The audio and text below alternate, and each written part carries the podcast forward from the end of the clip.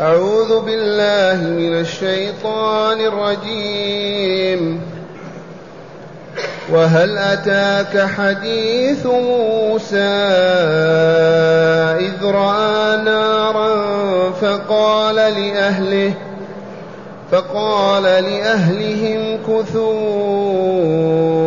إني آنست نارا. نارا لعلي آتيكم منها بقبس أو أجد على النار هدى.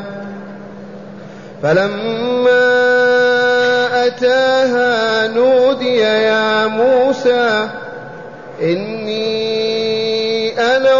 ربك فاخلع نعليك إنك بالوادي المقدس طوى. وأنا اخترتك فاستمع لما يوحى. إنني أنا الله. إنني أنا الله. لا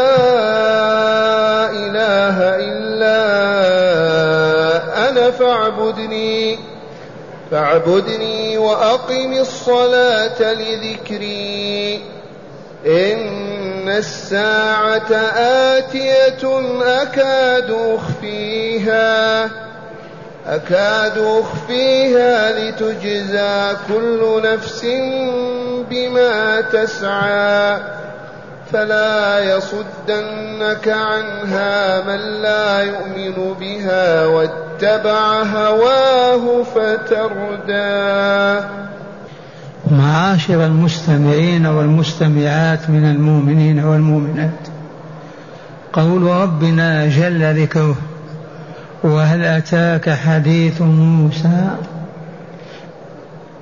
يحدث الله تعالى من بهذا الحديث؟ رسوله محمدا صلى الله عليه وسلم. فهذه الآية تقرر نبوة محمد صلى الله عليه وسلم وإن كذب بها المكذبون. لو لم يكن رسولا كيف يخاطبه ربه ويقول له هل جاءك كذا وكذا؟ والله إنه لرسول الله. وهل أتاك حديث موسى وهل تفيد بمعنى وقد أتاك التحقيق؟ والمراد من موسى موسى بني إسرائيل. موسى بن عمران أحد أنبياء ورسل بني إسرائيل. وقوله إذ رأى من هنا بدأ الحديث عن موسى. الوقت الذي رأى نارا. شاهد نارا فيما ظهر له وفي الحقيقة أنه نور إلهي. ألقاه الله على شجرة بسواء إذ رأى نارا فقال لأهلهم كثوا اذكروا ما علمتم بأن موسى عليه السلام لما هرب من الديار المصرية بالقتل الذي تم وحكموا بإعدامه واتجه شرقا وقاده الله عز وجل إلى أرض مدين وتزوج إحدى ابنتي مدين شعيب عليه السلام وأقام عنده عشر سنين يرعى غنمه ويعيش معه.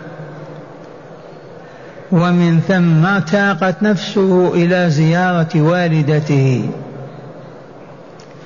فطلب من صهره شهيب أن يأذن له في السفر إلى مصر ليزور والدته ويعيش معها أياما. فحمل زوجته وأولاده وقد ولد له ولد وقد يكون معهم خادم لأن قوله تعالى لأهله الأهل الزوجة والولد ومن معهم. لما آنان قال لهم كثوا لأنه كان في ليلة مظلمة وباردة. وما عنده ما يوقد به النار. فقال لأني امكثوا هنا إني آنست أي أبصرت نارا لعلي آتيكم منها بقبس والقبس العود في رأسه نار ومن ثم يشعلون الحطب ويستدفون أو يطبخون ويأكلون. نعم فقال لأهلهم كثوا إني آنست نارا لعلي آتيكم منها بقبس أو أجد على النار من يدلني على الطريق ويرشدني لأنهم ضلوا في متاهات في الليل أو يرشده إلى نار أو أصحابها. هذه كلمة موسى لأهله في صدق. قال لأهله امكثوا هنا إني آنست نارا أبصرتها أذهب إليها لعلي يأتيكم منها بقس بقبس نشعل به نارا نستدفي بها أو نجد عندها من يدلنا على الطريق ويرشدنا. لعلي آتيكم منها بقبس أو أجد على النار هدى. قال تعالى فلما أتاها أي أتى تلك النار التي رآها وما هي بنار؟ نور الله على شجرة العناب. فلما أتاها نودي يا موسى من ناداه ربه؟ يا موسى إني أنا ربك. من يقوى على أن يقول هذه الكلمة سوى الله؟ إني أنا ربك أي خالقك. ورازقك ومدبر أمرك وحافظك وكالئك وإليك وإلي مصيري. أنا ربك إذا فاخلعنا عليك والنعلان معروفان في الأرجل. ولا نقول إنه ما من بقرة ميتة أو من جيفة حمار وكذا كل هذه تخبطات لماذا؟ لأنه قال علل قال إنك بالوادي المقدس. ما تدخل في بنيالك وعندنا نحن البقيع مقدس. ما يجوز لإنسان يمشي بنعال في البقيع. نهانا رسول الله صلى الله عليه وسلم. وهل يستطيع أحد تحت السماء أن يدخل الكعبة بنا عليه؟ والله ما كان. وهذه المساجد المقدسة وخاصة الحرمين ينبغي أن نمشي فيهما بدون نعال أرض مقدسة بمعنى طاهرة مطهرة والقدس الطهر. فاخلعنا عليك إنك بالوادي المقدس طوى ويقرأ طوى وطوى بمعنى واحد الوادي اسمه طوى. ولعله ضيق فسمي طوى من من الطي الذي هو التضييق. واد ضيق اسمه طوى ويقرأ طوى أيضا بالضم والكسر. إنك يا موسى بالوادي المقدس هذه علة نخل نعلك خلعك نعليك. وهذا مالك رحمه الله كان ما يركب على دابة في المدينة أبدا. يعز عليه ذلك. كيف يركب على حمار يمشي برجليه في المدينة؟ فاخلعنا عليك إنك بالوادي المقدس طوى. ثم قال له تعالى وأنا اخترتك من دون الناس من بين البشر. اختاره من؟ الله جل جلاله لينبئه ويرسله رسولا. بهذه الكلمة أصبح موسى رسول الله ونبيه. وأنا اخترتك فاستمع لما يوحى. من الآن. كلما يوحى إليك شيء احفظه واعمل به واعلمه وعلمه. فإنك عبد الله ورسوله. فاستمع لما يوحى. ما الذي يوحى؟ إنني أنا الله لا إله إلا أنا فاعبدني. هذا تقرير التوحيد وإلا لا؟ هذه الصورة المكية. لا إله إلا الله. لا يوجد في الكون إله حق يستحق أن يعبد إلى الله. ابعث في الشرق والغرب وقلب الدنيا وقلب السماء. والله لن تجد من يستحق أن يعبد من الكائنات إلا الله. لماذا؟ لأنهم مخلوقون مربوبون فقراء يموتون يحيون يعذبون يكرمون والفاعل ذلك هو الله. إذا هو المعبود بحق. كيف يعبد غيره؟ فلاحظتم كيف تقرر الصورة المكية؟ التوحيد والنبوة والبعث الآخر. وأنا اخترتك فاستمع لما يوحى. إنني أنا الله لا إله إلا أنا فاعبدني وأقم الصلاة لذكري. دخل في العبادة الحق وإن كان عبد مع شعيب عليه السلام. فاعبدني ما معنى اعبدني بالعامية أطيعني فيما آمرك وأنهاك. ولكن فوق ذلك اعبدني خاضعا ذليلا لي بين يدي راهبا وخائفا مني. فاعبدني بفعل ما آمرك بفعله وبترك ما نهاك عنه مع الخوف والرهبة والرغبة والرجاء فيه. هذا اولا. ثانيا وأقيم الصلاة لذكري. ولعل موسى كان يصلي مع شعيب فهو على علم بالصلاة. أمر الله أن يقيمها. وإقام الصلاة أداؤها على الوجه المطلوب. إقام الصلاة أداؤها على الوجه المطلوب. حيث تؤدى في الأوقات التي أرادها الله أن تؤدى فيها. وعلى الكيفيه التي بينها الله لعباده. فمن قدم أخر وزاد ونقص ما أقام الصلاة أفسدها وأبطلها. وأقم الصلاة لماذا؟ للتعليل قال لذكري.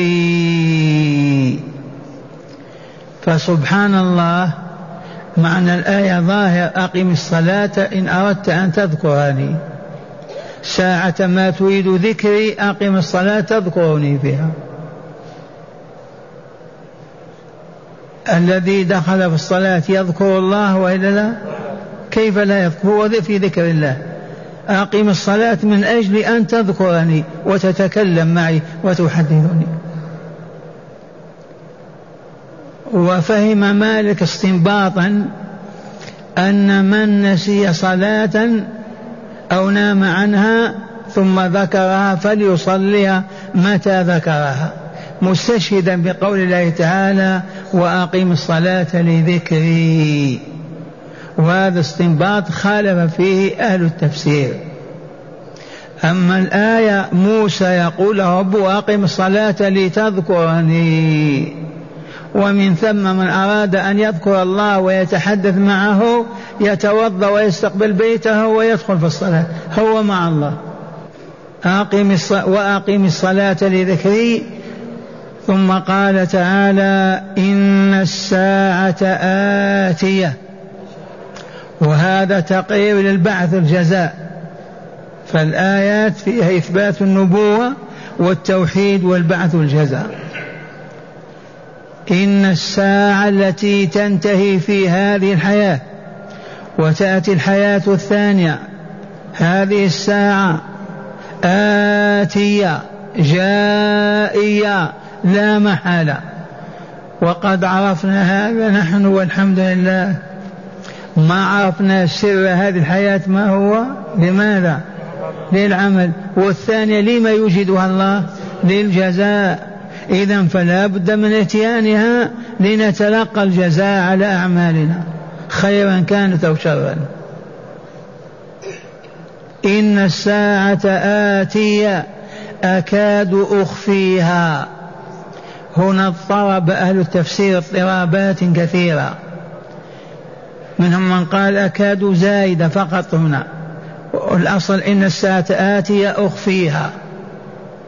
والصحيح أكاد أخفيها لعلة وهي لتجزي لتجزى كل نفس بما تسعى. والصواب أكاد أخفيها من نفسي فضلا عن غيري. يسألونك عن الساعة قل إنما علمها عند الله؟ يسألونك عن الساعة أيان موساها قل إنما علمها عند ربي لا يجليها لوقتها إلا هو. ثقلت في السماوات والأرض لا تأتيكم إلا بغتة. هذه الآية من سورة العاف المكية. يسألونك عن الساعة أيان موسى فين تقف. هذه السفينة. في أي ميناء؟ يعني في أي وقت؟ ماذا قال تعالى؟ علمها عند ربي لا يجليها لوقتها إلا هو. واعلموا ثقلت في السماوات والأرض لا تأتيكم إلا بغتة. فهنا أكاد أخفيها حتى من نفسي. فكيف أطلع عليها غيري؟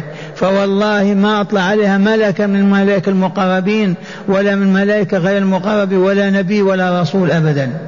أخفاها لحكمة عظيمة وهي أن تستمر الحياة والعمل إلى الساعة المعينة. لو أظهر الله تعالى الساعة لعبنا الناس كلهم وأطاعوه. حينئذ ما في حاجة إلى أن يخلق الدنيا يخلق ملائكة يعبدونه. لكن أراد أن يبتلي ويختبر وهو الحكيم العليم. فأوجد هذه الدار أو هذه الحياة وبدأها وتنتهي وننتقل منها إلى الدار الآخرة لنتلقى الجزاء على عملنا. والآية ظاهرة في الدلالة. إن الساعة آتية. أكاد أخفيها من نفسي. كذا يقول ابن جرير. فكيف بغيري إذا أخفى عن نفسه يظهر لغيره؟ مستحيل. أكاد أخفيها من نفسي. لماذا هذا الإخفاء؟ لتجزى كل نفس. بما تسعى فيه وتعمل ليل نهارا. نحن ساعون وإلا لا؟ السعي العمل. فأسعوا إلى ذكر الله إلى الصلاه فأسعوا إلى ذكر الله إلى الصلاه هذه الآية كأقيم الصلاة لذكري. فأسعوا إلى أين؟ إلى ذكر الله أي إلى الصلاه يوم الجمعة. لتجزى كل نفس أبيض وحمراء وصفراء عرب وعجم بما تسعى به في هذه الدنيا. ثم قال تعالى لرسوله صلى الله عليه وسلم فلا يصدنك عنها من لا يؤمن بها أي لا يصرفك عن الإيمان بقيام الساعة والجزاء في الدار الآخرة. لا يصرفك عنه الملاحدة والمكذبون والبلاشفة والذين لا يؤمنون بالدار الآخرة. احذر يا رسول أن يصدوك عنها. إذ كانوا يصدونه ويحاولون صده.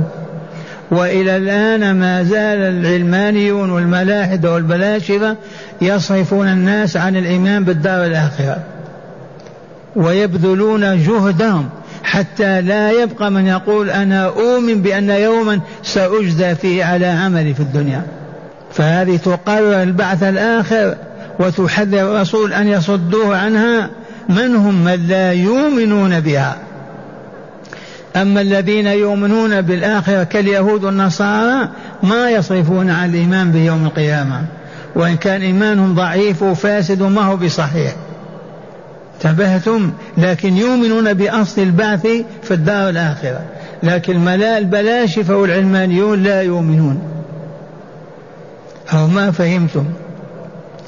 صاحب يهودي نصراني ما ألحد ما يشككه في الدار الآخرة. هو يؤمن بها. لكن المشركون والشيوعيون لا يؤمنون بالبعث الآخر والدار الآخرة كما كان العرب في الجاهلية. فيقول تعالى لرسوله صلى الله عليه وسلم فلا يصدنك عنها فلا يصدنك عنها من لا يؤمن بها. واتبع هواه فتردى والعياذ بالله فتهلك.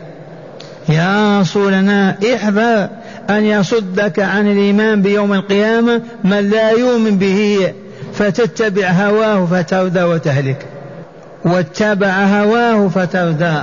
من الذي اتبع هواه؟ من لا يؤمن بيوم القيامة. فالذي صرفهم عن الإيمان بيوم القيامة والجزاء والله ما هو إلا الشهوة والهوى. وقد قررنا هذا. الذي يؤمن إيمانا يقيني بأنه سيجزى على كسبه في الدنيا هذا مستعد لأن يطيع الله ورسوله. مستعد لأن يتخلى عن كل ذميم ومكروه وقبيح. مستعد لأن يفعل كل خير. ولكن الذي لا يؤمن بالدار الآخرة بالمرة كيف يستجيب؟ لما يطيع؟ لما يعبد؟ لما يصوم؟ لما يقوم الليل؟ لماذا يتجنب شهواته وهي تدفعه ويأتيها؟ فلهذا تقرر بيننا أن أركان الإيمان القوة التوحيد والنبوة والبعث الآخر. إذا ضعف إيمان العبد في واحد من هذه ميت. لا يعول عليه. لا يرجى منه خير. وهذه الآيات قررت هذه الحقيقة كما سمعتم. مرة ثانية اسمعوها. وهل أتاك حديث موسى؟ إذ ناداه ربه إذ نادى وهل أتاك حديث موسى إذ رأى نارا فقال لأهلهم كثوا إني آنست نارا لعلي آتيكم منها بقبس أو أجد على النار هدى. فلما أتاها نودي يا موسى إني أنا ربك فاخلعنا عليك إنك بالوادي المقدس طوى وأنا اخترتك فاستمع لما يوحى. إنني أنا الله لا إله إلا أنا فاعبدني وأقم الصلاة لذكري. إن الساعة آتية أكاد أخفيها لتجزى كل نفس بما تسعى فلا يصدنك عنها من لا يؤمن بها واتبع هواه فتردى والعياذ بالله ما معنى تردى؟ تهلك ردى وتردى هلك اسمعوا شرح الآيات من الكتاب معنى الآيات؟ ما زال السياق الكريم في تقرير التوحيد ففي نهاية الآية السابعة كان قوله تعالى فالله الله لا إله إلا هو. ما زال السياق الكريم في تقرير التوحيد. ففي نهاية الآية السابعة أو الثامنة. ففي نهاية الآية السابقة التي درسناها بالأمس كان قوله تعالى الله لا إله إلا هو له الأسماء الحسنى كان هذا تقريرا للتوحيد وإثباتا له. كذلك وفي الآية التاسعة يقرره تعالى عن طريق الإخبار عن موسى وأن أول ما أوحاه إليه من كلامه كان إخباره بأنه لا إله إلا هو أي لا معبود غيره وأمره بعبادته. فقال تعالى وهل أتاك أي يا نبينا حديث موسى إذ رأى نارا وكان في ليلة مظلمة شاتية شاتية يعني في الشتاء وزنده الذي معه لم يقدح له نارا. آلة يستعملها الزند معروف ما أقدح له النار. فقال لأهله أي زوجته ومن معها وقد ضلوا طريقهم لظلمة الليل امكثوا أي ابقوا هنا فقد آنست نارا أي أبصرتها لعلي آتيكم منها بقبس. فتوقد به نار فنوقد به نارا تصطلون بها أي تستدفئون بها. ثم أجد على النار هدى أو أجد على النار هدى أي أجد حولها ما يهدينا طريقنا الذي ضللناه وقوله تعالى فلما أتاها أي أتى النار ووصل إليها وكانت شجرة تتلألأ نورا نودي يا موسى أي ناداه ربه تعالى قائلا يا موسى إني أنا ربك أي خالقك ورازقك ومدبر أمرك. فاخلعنا عليك إنك بالوادي المقدس طوى. وذلك من أجل أن يتبرك بملامسة الوادي المقدس بقدميه.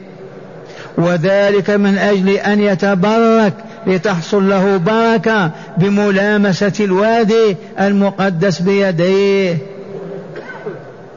بقدمينا وقوله تعالى وأنا اخترتك أي لحمل رسالتي إلى من أرسلك إليهم. فاستمع لما يوحى إليك وهو أنني أنا الله لا إله إلا أنا أي أنا الله المعبود بحق ولا معبود بحق غيري وعليه فاعبدني وحدي وأقم الصلاة لذكري أي لأجل أن تذكرني فيها وبسببها فلذا من لم يصلي لم يذكر الله تعالى. وكان ذلك وكان بذلك كافرا لربه تعالى. مرة ثانية. وعليه. فلذا من لم يصلي لم يذكر الله تعالى. أو ممكن يذكره. رأيت من لا يصلي عاكف يذكر الله؟ مستحيل. فلذا من لم يصلي لم يذكر الله تعالى وكان بذلك كافرا لربه جاحدا له غير معترف به.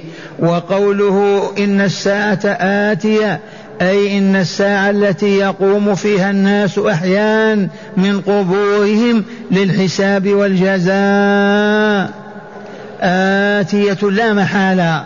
من أجل ماذا؟ من أجل مجازاة العباد على أعمالهم وسعيهم طوال أعمارهم من خير وشر. وقوله تعالى أكاد أخفيها أي أبالغ في إخفائها حتى أكاد أخفيها عن نفسي. وذلك لحكمتي لحكمة أن يعمل الناس ما يعملون وهم لا يدرون متى يموتون ولا, ولا متى يبعثون.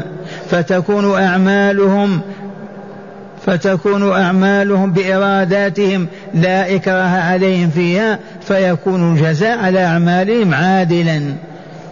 وقوله تعالى لعل هذه الجملة ما فهمتموها. لاحظوا. يقول تعالى وذلك لحكمة أن يعمل الناس ما يعملون وهم لا يدرون متى يموتون ولا متى يبعثون. فتكون أعمالهم بإراداتهم الحرة لا إكراه عليهم فيها. فيكون الجزاء على أعمالهم عادلا ما في ظلم. هذا سر إخفاء الموت عنا والدار الآخرة. وقوله تعالى فلا يصدنك عنها من لا يؤمن بها فتردى يعني ينهى تعالى موسى ينهى تعالى موسى أن يقبل ص... نعم أنا قلت ينهى الله محمد صلى الله عليه وسلم. وهي الآية قابلة الاثنين لأن المشركين في مكة ما كانوا يصدونه ويكذبون. ينهى تعالى موسى أن يقبل أن يقبل صد صاد من المنكرين للبعث متبعي الهوى عن الإيمان بالبعث والجزاء والتزود بالأعمال الصالحة. لذلك اليوم العظيم الذي تجزى فيه كل نفس بما كسبت وهم لا يظلمون. فإن من لا يؤمن بها ولا يتزود لها يردى أن يهلك والعياذ بالله. مع هداية الآيات. الله. بسم الله والحمد لله من هداية الآيات أولا تقرير النبوة لمحمد صلى الله عليه وسلم أولا تقرير النبوة لمحمد صلى الله عليه وسلم والله إنه لنبي كيف لا يكون وهو يقول قد أتاك هل أتاك حديث موسى نعم ثانيا تقرير التوحيد وإثباته وأن الدعوة إلى لا إله إلا الله دعوة كافة الرسل. كل الرسل كانوا يدعون إلى التوحيد. لا إله إلا الله. نعم. ثالثا إثبات صفة الكلام لله تعالى. إثبات صفة الكلام لله تعالى. فالله كلم موسى. عرفتم؟ واشتاق إلى رؤيته لما كلمه وعجز عن ذلك. ونبينا صلى الله عليه وسلم كلمه في الملكوت الأعلى ليلة الإسراء والمعراج. لكن كلام الله ليس ككلام المخلوقات. شتان بين ذات وذوات الناس فلن يكون كلامه ككلام الخلق. كلامه يليق بجلاله وكماله. نعم. رابعا مشروعية التبرك بما جعله الله تعالى مباركا. فكل ما فيه بركة يتبرك به المؤمن ولا حرج. إذا ثبت ذلك عن رسول الله صلى الله عليه وسلم. نعم. والتبرك التماس البركة حسب بيان الرسول وتعليمه. التبرك التماس البركة حيث بين الرسول ذلك. نعم. خامسا وجوب إقام الصلاة وبيان علة ذلك وهو ذكر الله تعالى. نعم. سادسا بيان الحكمة في إخفاء الساعة مع وجوب إتيانها وحتميته. ما الحكمة في إخفاء يوم القيامة؟ من أجل أن يواصل الناس العمل ثم يجزون به في ذلك اليوم.